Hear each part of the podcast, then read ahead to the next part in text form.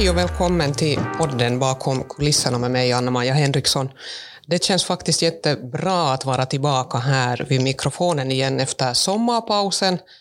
Jag har åtminstone njutit av att kunna vara ledig några veckor, bott ute på stugan, följt med svanparen. Vi har den här sommaren haft både sångsvan och knölsvan ute på vår holme och det har jag aldrig sett tidigare, bägge två.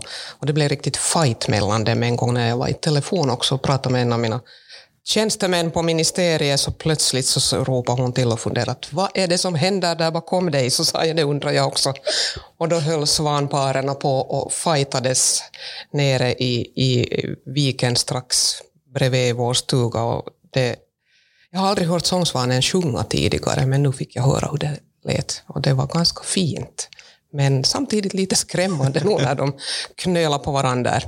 No, jo, men att, jag tror faktiskt den här sommaren så, så har varit väldigt annorlunda för många. Men samtidigt så tror jag att många har njutit också av det, att man har kunnat vara ute, träffa nära och kära vänner och bekanta, eh, också vara tillsammans på ett helt annat sätt än vi kunde här under våren. Så att eh, förhoppningsvis så har vi alla samlat krafter och, och, kan gå nu med tillförsikt mot, mot hösten. Med mig här vid bordet så sitter som vanligt också Ted Urho, poddens professionella frågeställare. Välkommen Ted. Hur har din sommar varit? Tack, tack Anna-Maja. Kul att få vara med eh, än en gång. Eh, det var väldigt bra. Det var mycket, mycket stuga också, lite seglats och vi driftade oss faktiskt till att, att eh, segla till Tallinn och tillbaka. Det var något av ett, ett, det var ett intressant projekt kan vi lugnt säga. Just det. Nu hade ni, fanns det andra segelbåtar på? Nu, nu var det ett antal andra segelbåtar och, och sen det som var intressant var ju det att, att de här alltså passagerarfärjorna, de ja. kryssar ju nog av och an där också, men, men de lär nog ha varit väldigt tomma det här, det här året som man har förstått. Men de var nog säkert ganska tomma, det var de. Jag har inte åkt annan båt än, än vår motorbåt, men sen har jag också ett par gånger varit ute och eh, paddlat med en sån här suppbåd. Ah. Och jag lärde mig sen nog faktiskt ganska bra att hålla balansen och det som jag tyckte var fantastiskt var det att det var som du skulle ha kunnat paddla ovanpå ett stort akvarium. Vi hade alldeles klart vatten. Så jag kunde se havsbottnen, alla fiskar, all, alla alger, allt sjögräs ur ett perspektiv som jag aldrig har sett tidigare. Det var en fantastisk känsla. Hur har den här sommaren liksom skilt sig på, på annat sätt om vi då tänker att, att coronan har gjort att, att vi inte kunde resa så väldigt mycket utanför vårt eget land? Hur, hur mycket brukar du vanligtvis resa utomlands då liksom under sommaren till exempel, eller brukar du vara, vara, vara hemma i Finland och hemma alltså, vi, vi brukar med familjen ofta göra en, en utlandsresa, ungefär en vecka. Och, och det blev förstås inte av den här sommaren. Och det betydde i praktiken det att vi har varit ute på stugan på mässor, det där jag har hållit till. Eh, sen har jag träffat människor nog där. Det har kommit mycket folk också ut dit till Holmen. Det har gått en sån här eh, båt som vem som helst har kunnat komma med dagligen. Det har serverats varm mat och kaffe uppe i restaurangen vid, vid gamla lotstationen. Så att jag har träffat väldigt mycket människor där ute på Holmen när jag har varit ute på promenader med hunden och annars bara. Eh, sen har jag ju rört mig en del, en del i Österbotten sommarteatern i Oravais vad hette hon nu? Maria Åkerblom, ja. just det. Och, och, det var ju en fantastisk pjäs ja. och alldeles underbart ställe. Och, och, där var det också, det var liksom roligt att se att människor kom till teatern, vi satt med tillräckligt avstånd mellan varandra och, och, och folk bara njöt av det, att kunna få vara med på ett sånt event. Så att eh, det har varit nog en sån här annorlunda sommar. Förstås har man ju också träffat människor ute, ute på stan, eh, på kaféer och, och så vidare och pratat med folk. Och jag har också sett till nu här när jag har varit här i Helsingfors och sen lite här i, i, i västra Nyland. Vi hade riksdagsgruppens sommarmöte i Raseborg och Hangö. Pratat med människor runt omkring i landet och nog upplevt det här att att folk har varit lättade över den här sommaren, att vi har klarat den här coronan bra i sommar. Och samtidigt eh, så har man varit tacksamma för att eh, regeringen kan man väl säga lyckades ganska bra med sitt arbete här under våren. Och nu hoppas vi naturligtvis att vi ska klara av att hålla i det också härifrån framåt det som vi har pratat om en hel del här, eller liksom, du säger just, jag är alla fullständigt med, att, att det har varit en annorlunda sommar och, man har haft liksom möjlighet att reflektera och ta det lite lugnt och man har inte behövt stressa iväg till flygplatsen direkt. Eh, och det har varit ganska skönt. Men det har också varit, och från regeringens sida så har det säkert också varit glädjande att säga att det har gått lite lugnt. Men, men hur, är det, hur ska vi tänka kring de här, för jag menar, det, det ligger i människans natur ändå kanske att resa lite grann. Och nu här, häromdagen, här nyligen så publicerades uh, den här THLs trafikljusmodell och allt mm. Hur ska vi tänka kring de här gränserna? Hur ser du på den saken? Den här gränsfrågan är, den är, den är på ett sätt nog eh, den är liksom bekymmersam. Eh, just nu så har vi en sån situation att, att coronaläget ute i Europa, i många länder, har blivit sämre. Eh, här i Finland så har det också blivit lite sämre, men läget är ändå här under kontroll. Och det är klart att, att vi vet också det att en del av de smittor som kommer till Finland så kommer från människor som har rest hit. Och det där, därför så är det ju fortsättningsvis så att, att eh, man ju inte rekommenderar att folk reser utomlands och framförallt inte till, till länder där det finns mycket eh, coronasmitta nu per 100 000 invånare på två veckor. Det som jag tycker har varit bra har varit det att vi har sett att i Sverige har, har den här situationen förbättrats också mycket här under sommaren. Eh, det finns regioner i Sverige som, som också ligger nu under det här med åtta på eh, 100 000 personer på två veckor. Eh, och man har gått alltså åt rätt håll. Men, men fortsättningsvis så är det så att den här trafikljusmodellen kan nog vara bra att ta till sig. Att där, där vill ju THL nu då eh, visa att eh, gröna länder är sådana länder dit, där smittan, smittorisken är ungefär lika stor som i Finland. Ungern var på den här listan med gröna. Vatikanen. Okay. kanske de har skydd från högre makt. Men alltså det, det, det, det, som är alltså, kanske man, kan man säga då det problematiska är ju det att, att, att det är väldigt många länder nu som, som då förstås förstås över det här med, med 10 smittade per 100 000 på två veckor. Och Finland har alltså den allra tuffaste gränsen i hela EU. Det finns inget annat land som har en så här tuff gräns eh, till den delen. Och, och det här leder ju förstås också till det att vi måste lite fundera nu på att, att eh, hur hanterar vi det här härifrån framåt? För vi behöver arbetsplatspendling till Finland. Man får ju komma fortsättningsvis till Finland om man har jobb här. Men man ska då hålla sig så att säga i egen karantän när man går hem från jobbet. Och, och för att vi ska komma liksom vidare och, och, och kunna så småningom övergå till, till ett mera naturligt liv också för de som arbetspendlar till Finland, så skulle det ju förstås vara bra att vi skulle kunna få sådana ty tydliga testsystem så att man skulle kunna lita på dem och att människor skulle få bli testade redan på flygplatsen eller i hamnen då man kommer till Finland och kunna snabbt få ett svar på testet och då den vägen, om testet är negativt, så inte behöva ha den här egna karantänen. Det är liksom dit regeringen skulle vilja komma.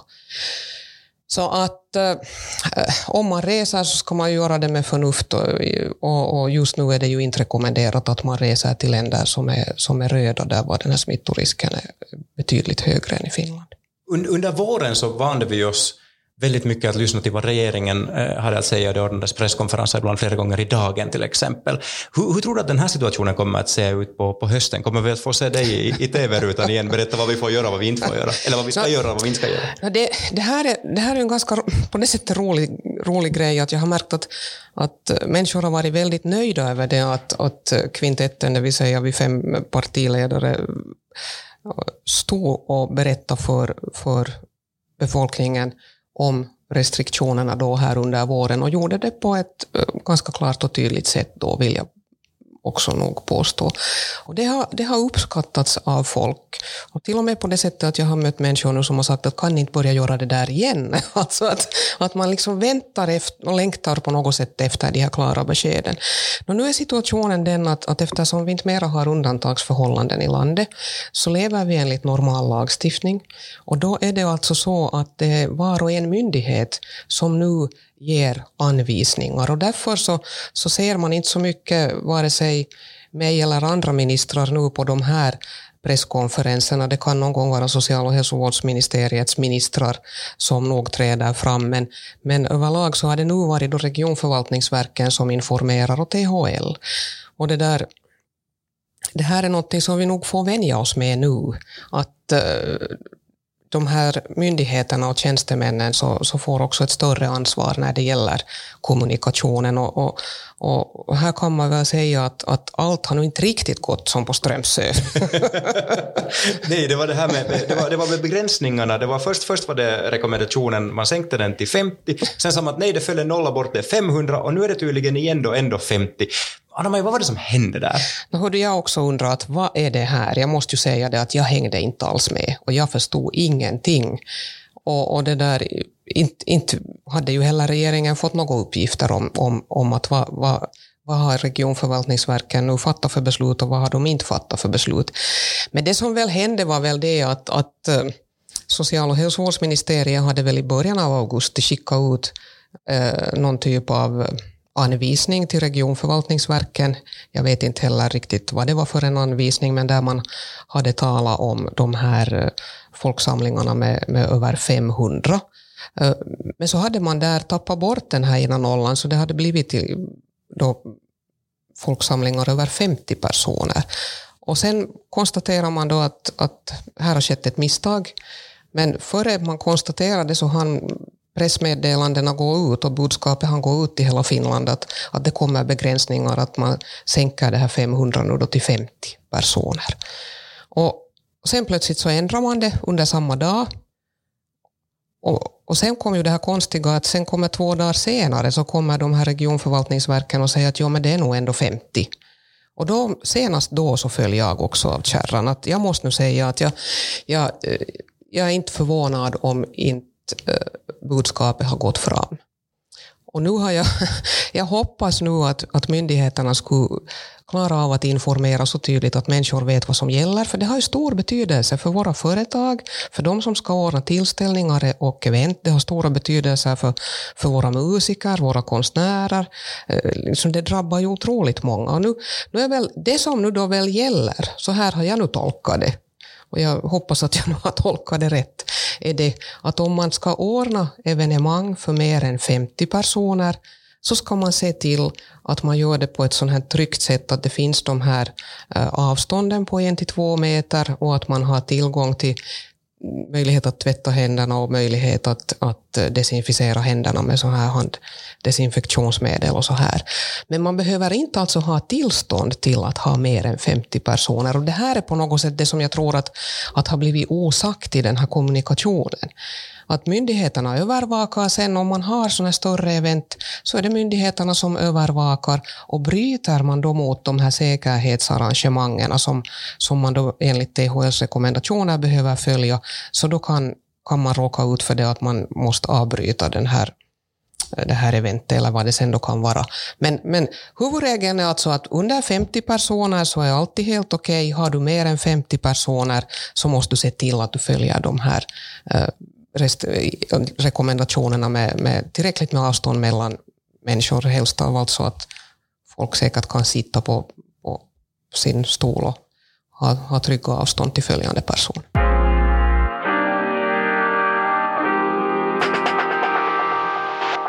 Den här hösten nu, så, eller hösten är ju på kommande, men, men kan vi säga att, att det kommer att vara egentligen tre saker som kommer att vara mycket på agendan dels den här coronasituationen, den kommer vi att få leva med hela tiden.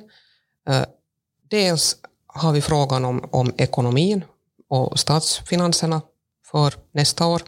Och sen den stora och viktiga frågan om sysselsättningen. Hur ska vi se till att fler finländare får jobb? Och den här sysselsättningsfrågan, så den är faktiskt nog den är jätte, jätteviktig. Och vi hade med svenska riksdagsgruppen sommarmöte här i Ekenäs och Hangö då för, en, för en kort tid sedan. Och vi diskuterade den här saken väldigt ingående och vi var mycket eniga om att, att, eh, att vi åtminstone tycker att vi har goda idéer för hur vi skulle kunna öka sysselsättningen. Och det är alldeles klart att inom regeringen nu så kommer vi också att, att nog få gå till, till grunden med de här frågorna. För det handlar ju om det att vår välfärd bygger på att människor ska ha jobb. Jobb för att dels försörja sig själva, för att ha en eh, meningsfull vardag och också för att det ska komma in skatteintäkter till, till Finland. Vi ska kunna sälja våra produkter ut till, till världen och vi ska kunna tillverka både varor och tjänster som intresserar eh, på marknaden både här hemma och utomlands och så här. Och då måste vi se till att vi skapar förutsättningar. Och vi behöver se till att vi tar vara på, på den kunskapspotential som finns i vår befolkning. Och vi har ju tack och lov ett bra utbildningssystem. Men vi behöver göra ännu mera för att de som inte idag har en utbildning får en utbildning och sen behöver vi göra mera för att eh, företagen ska investera och, och satsa på att utvecklas och, och, och, skapa arbetsplatser i Finland. Och här så är nog liksom nu en sån här uh, tusen dollars fråga det att, att med vilka metoder uh, går vi då framåt? Och det här kommer vi att diskutera nu inom regeringen ganska, ganska mycket de här kommande veckorna.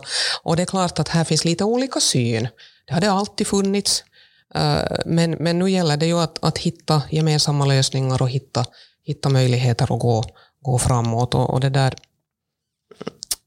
hur ska jag nu säga det, då vi, vi har en situation nu där det kommer tyvärr mycket uppsägningar, det kommer eh, varsel om, om permitteringar, vi har väldigt tråkiga nyheter nu i bagaget, finnar blir tvungna att minska sin personal med kanske upp till tusen människor, det, det är ju ett enormt dramatiskt beslut. Och det beror ju på att ingen reser nu och, och det har varit katastrofalt eh, dåliga, dåliga veckor och månader för finnar. Sen har vi Viking Line kämpat på samma sätt också med, med, med, sin lönsamhet. Sen kom det här beslutet om att man ska stänga pappersfabriken i, i Jämsa. UPM har kommit till det att, att eh, det är inte mer lönsamt för dem. Så att här finns liksom många orosmoln på, på himlen och då är det klart att, att vi behöver också annars göra mycket för att höja sysselsättningen i det här landet och, och därför så måste de här frågorna få stor prioritet. Var, ehm, på tal om det här med att höja sysselsättningen, var här platsar den här idén om att sänka arbetstiden till sex timmar per dag? Hör du, den platsar nog väldigt dåligt här nu. jag kan väl nog säga det att, att jag, jag ser det ju som en sån här ja, det är någon sorts drömtänkande i det här skedet. Det, det, är liksom, det är ju inte en fråga som regeringen alls kommer att behandla. Det, det är Socialdemokraternas egna, egna målsättningar för framtiden och var och ett parti får ju naturligtvis ha det. Men, men det är ju nog inte det som Finland behöver nu.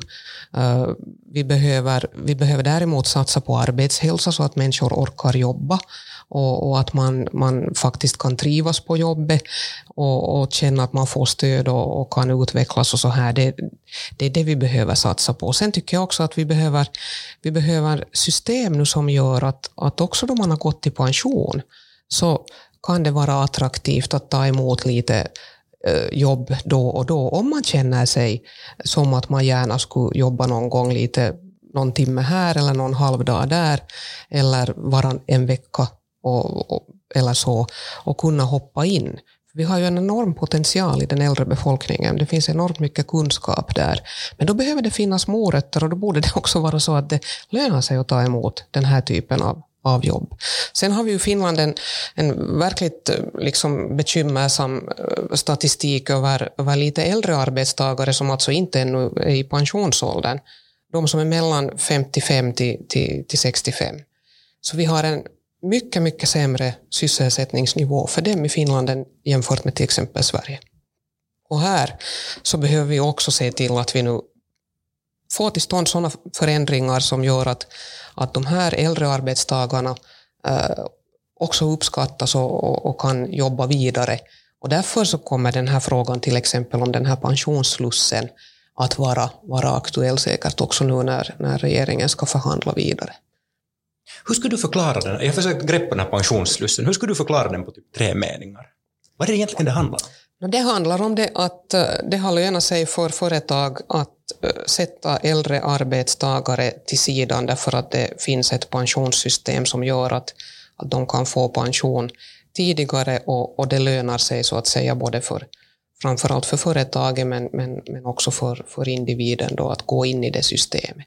Och på det sättet så har ju företagen kunna minska personal, men då har man ju minskat den framförallt från den, från den äldre ändan. Och det här är ju, det här är ju ett system som säkert kan ha passat bra för en del, men det kan också upplevas väldigt orättvist. Och det, det är klart att har du jobbat 35-40 år så, så är det kanske nog inte, det kanske inte känns så riktigt bra att sen eh, få liksom avsluta med det att, att okej, okay, vi, vi tackar så här långt och nu får du de här sista arbetsföra åren som du egentligen har, så får du nu vara där i det där pensionsröret. Att, att det, det, finns liksom någonting av en åldersdiskriminering också inne i det här systemet, tycker jag. Och därför så, så borde vi fundera på vilket sätt kan man, kan man eh, bli av med det här så att, att de som, som, som nu har använt det kan, kan liksom få, en, få en, hållbar tid i arbetslivet också de sista åren och kunna, kunna liksom få, få ge av sin kunskap. Så att det här är en sån viktig sak som vi måste fundera på. Åtminstone ganska många kan hålla med om att någonting behöver vi göra. Sen har vi en annan sak och det handlar om, om lokala avtal. Vi behöver mera möjligheter för alla typer av företag att, att inom företaget tillsammans med arbets dagarna kunna komma överens om uh, hur man jobbar. Att man ibland kan jobba längre och sen ha perioder när man har längre ledigt och, och, och här, här finns det att utveckla och där borde man också sen fundera på att, att företagen skulle ta in en arbetstagarrepresentant i styrelsen och liksom den vägen eh, bygga upp det här förtroendet mellan, mellan arbetsgivare och arbetstagare. Um, I några av de här avsnitten innan sommarpausen här i, i podden uh, så pratade du också om det här med, med, med den oro som fanns uh, under, under till exempel nedstängningen och sånt för, för ekonomin. Um, och det var ganska skrämmande siffror som du pratade om i, i, i medierna och i allmänheten. Hur tycker du att det har förverkligats? Har det, har det gått bättre eller sämre än vad vi väntade oss? No, det har ju, alltså, tack och lov kan man säga att den här statistiken vi nu har fått så visar ju att det har gått bättre än vad vi trodde att det skulle gå. Men det är klart att det inte har det gått bra för någon. Alla länder ligger ju liksom på minus i förhållande till, till eh, situationen för, för ett år sedan.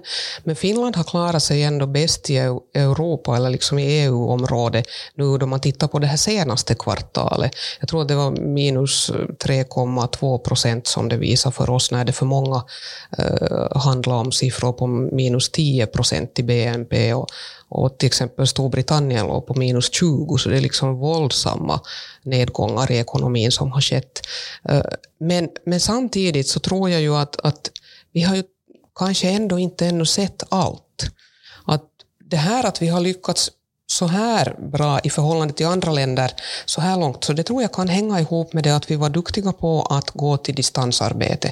Det fanns liksom den där, eh, det fanns den här beredskapen hos individerna på arbetsplatserna i Finland, för dem som det var möjligt att jobba på distans. Att göra det, man kunde eh, tekniken och man lärde sig också snabbt eh, att vara på möten på, på nätet och Zoom och Skype och annat har använts flitigt. Så det är säkert en orsak. Och sen tror jag en annan orsak är det att våra företag hade orderböckerna ganska fulla ännu för, för våren. Men nu är då frågan den att hur ser orderstocken ut nu till hösten och vintern? Och, och, där är vi ju hemskt beroende också av nu hur marknaden och hjulen börjar snurra i resten av Europa. Och eftersom Finland är så exportberoende som vi är, så ligger det ju i vårt intresse också att, att hjulen börjar snurra i alla EU-länder. Och det är också mot den här bakgrunden som man behöver se behovet av att, att man nådde en, en överenskommelse när det gällde den här EUs eh, krisfonden nu som, som det där har varit på tapeten här och där, där också Finlands statsminister gjorde ett gediget arbete i de förhandlingarna.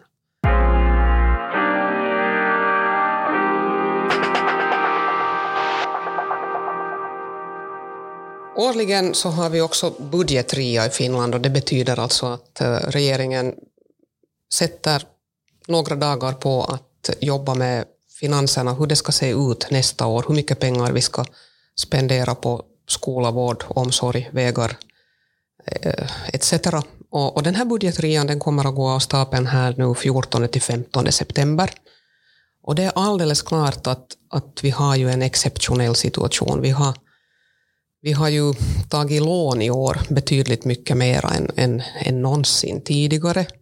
Uh, och, och det här året har på det sättet varit speciellt. Men nu nästa år, 2021, så ska vi nog helt enkelt nu hålla oss igen till det som vi normalt kallar till ramarna. Det finns alltså eh, ett regelverk. Man kan säga att det finns en, det finns en, en, en ram inom vilken vi måste hålla oss med pengarna. Och, och man får inte gå över den, för då, då klarar inte landets ekonomi det på sikt. Och den här budgetrian nu, så den kommer att bli på det sättet annorlunda för att uh, vi också samtidigt behöver diskutera då de här sysselsättningsåtgärderna som jag talade om här tidigare. Så att vi kommer dels att eh, diskutera hur mycket pengar vi sätter på social och hälsovården, skolan eh, och eh, domstolsväsendet och polisen och så vidare och så vidare. Och dels så kommer vi att diskutera då på vilket sätt vi får fler människor i jobb. Och det här kommer att ta tid. det är väl det, det, det, det vad man kan säga, säga nu och det kommer att kräva, kräva mycket förarbete också av, av medarbetare och andra. Sen fungerar det ju på det sättet att, att när vi väl har kommit överens så, så får vi då ett budgetförslag som regeringen skickar till riksdagen.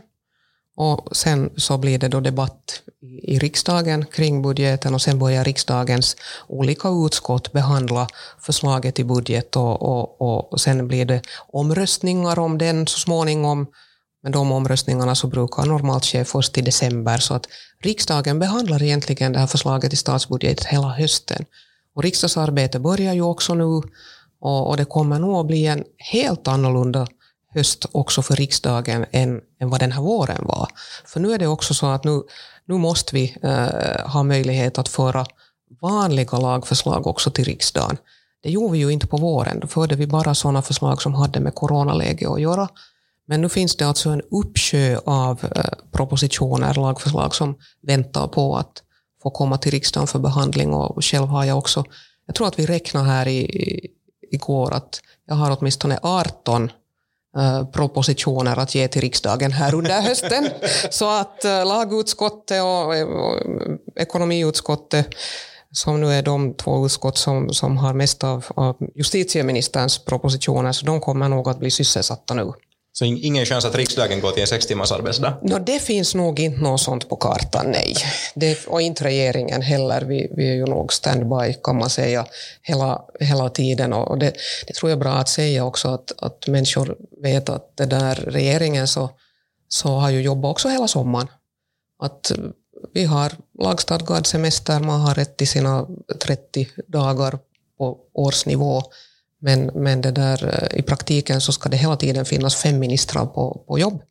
Och det har det funnits och jag har också, också suttit på distans många, många möten där på sommarstugan på verandan och, och, och vissa dagar också jobbat där från tidig morgon till sen kväll. Men, men det har varit skönt att också kunna göra det så under sommartid, men nu är det ju slut på det. Att nu går vi in i en ny, ny period. Eh Före vi går till, till, till hösten, tänkte ändå, jag var lite nyfiken på det här. Eh, du säger att det, är ganska många som, som, som har... Vi ska återgå till det här normala liksom, mm. lagstiftningsarbetet.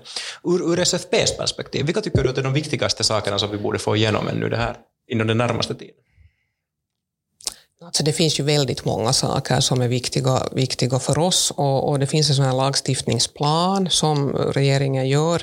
Eh, jag kommer själv att ha på, på höstens agenda frågan om, om att ge ett lagförslag där man eh, gör olaga hot till ett brott under allmänt åtal. Det har att göra med, med det här med hatprat och sånt, så den lagstiftningen kommer att gå, gå vidare. Eh, sen har ju den här stora sexualbrottslagstiftningen, den är under beredning. Den kommer inte ännu nu på hösten, men förhoppningsvis så ska vi kunna ge den, ge den nästa år på våren.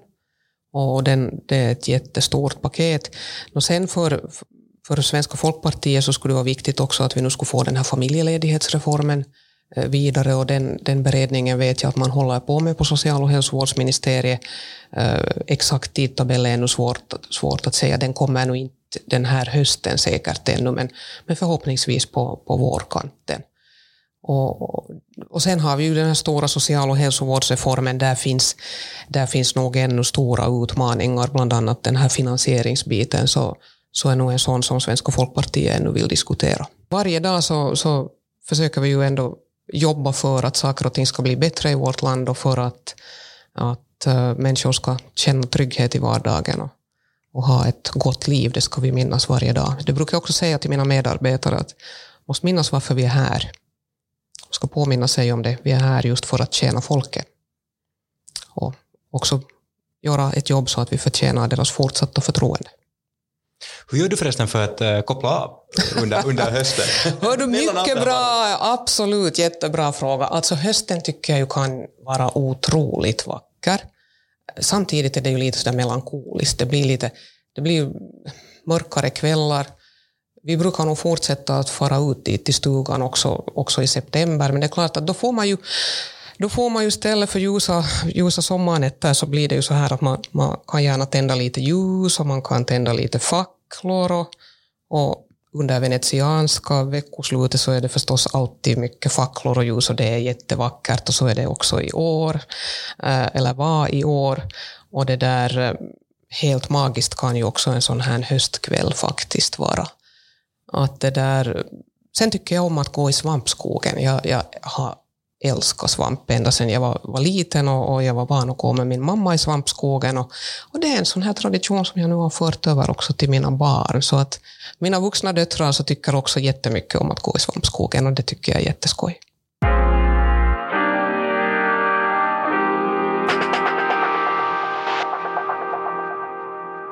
Och där tror jag att jag avrundar nu för idag.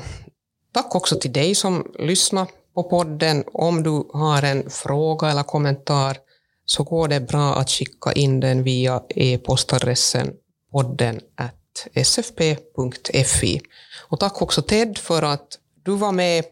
Mitt namn är Anna-Maja Henriksson och du har lyssnat till podcasten Bakom kulisserna.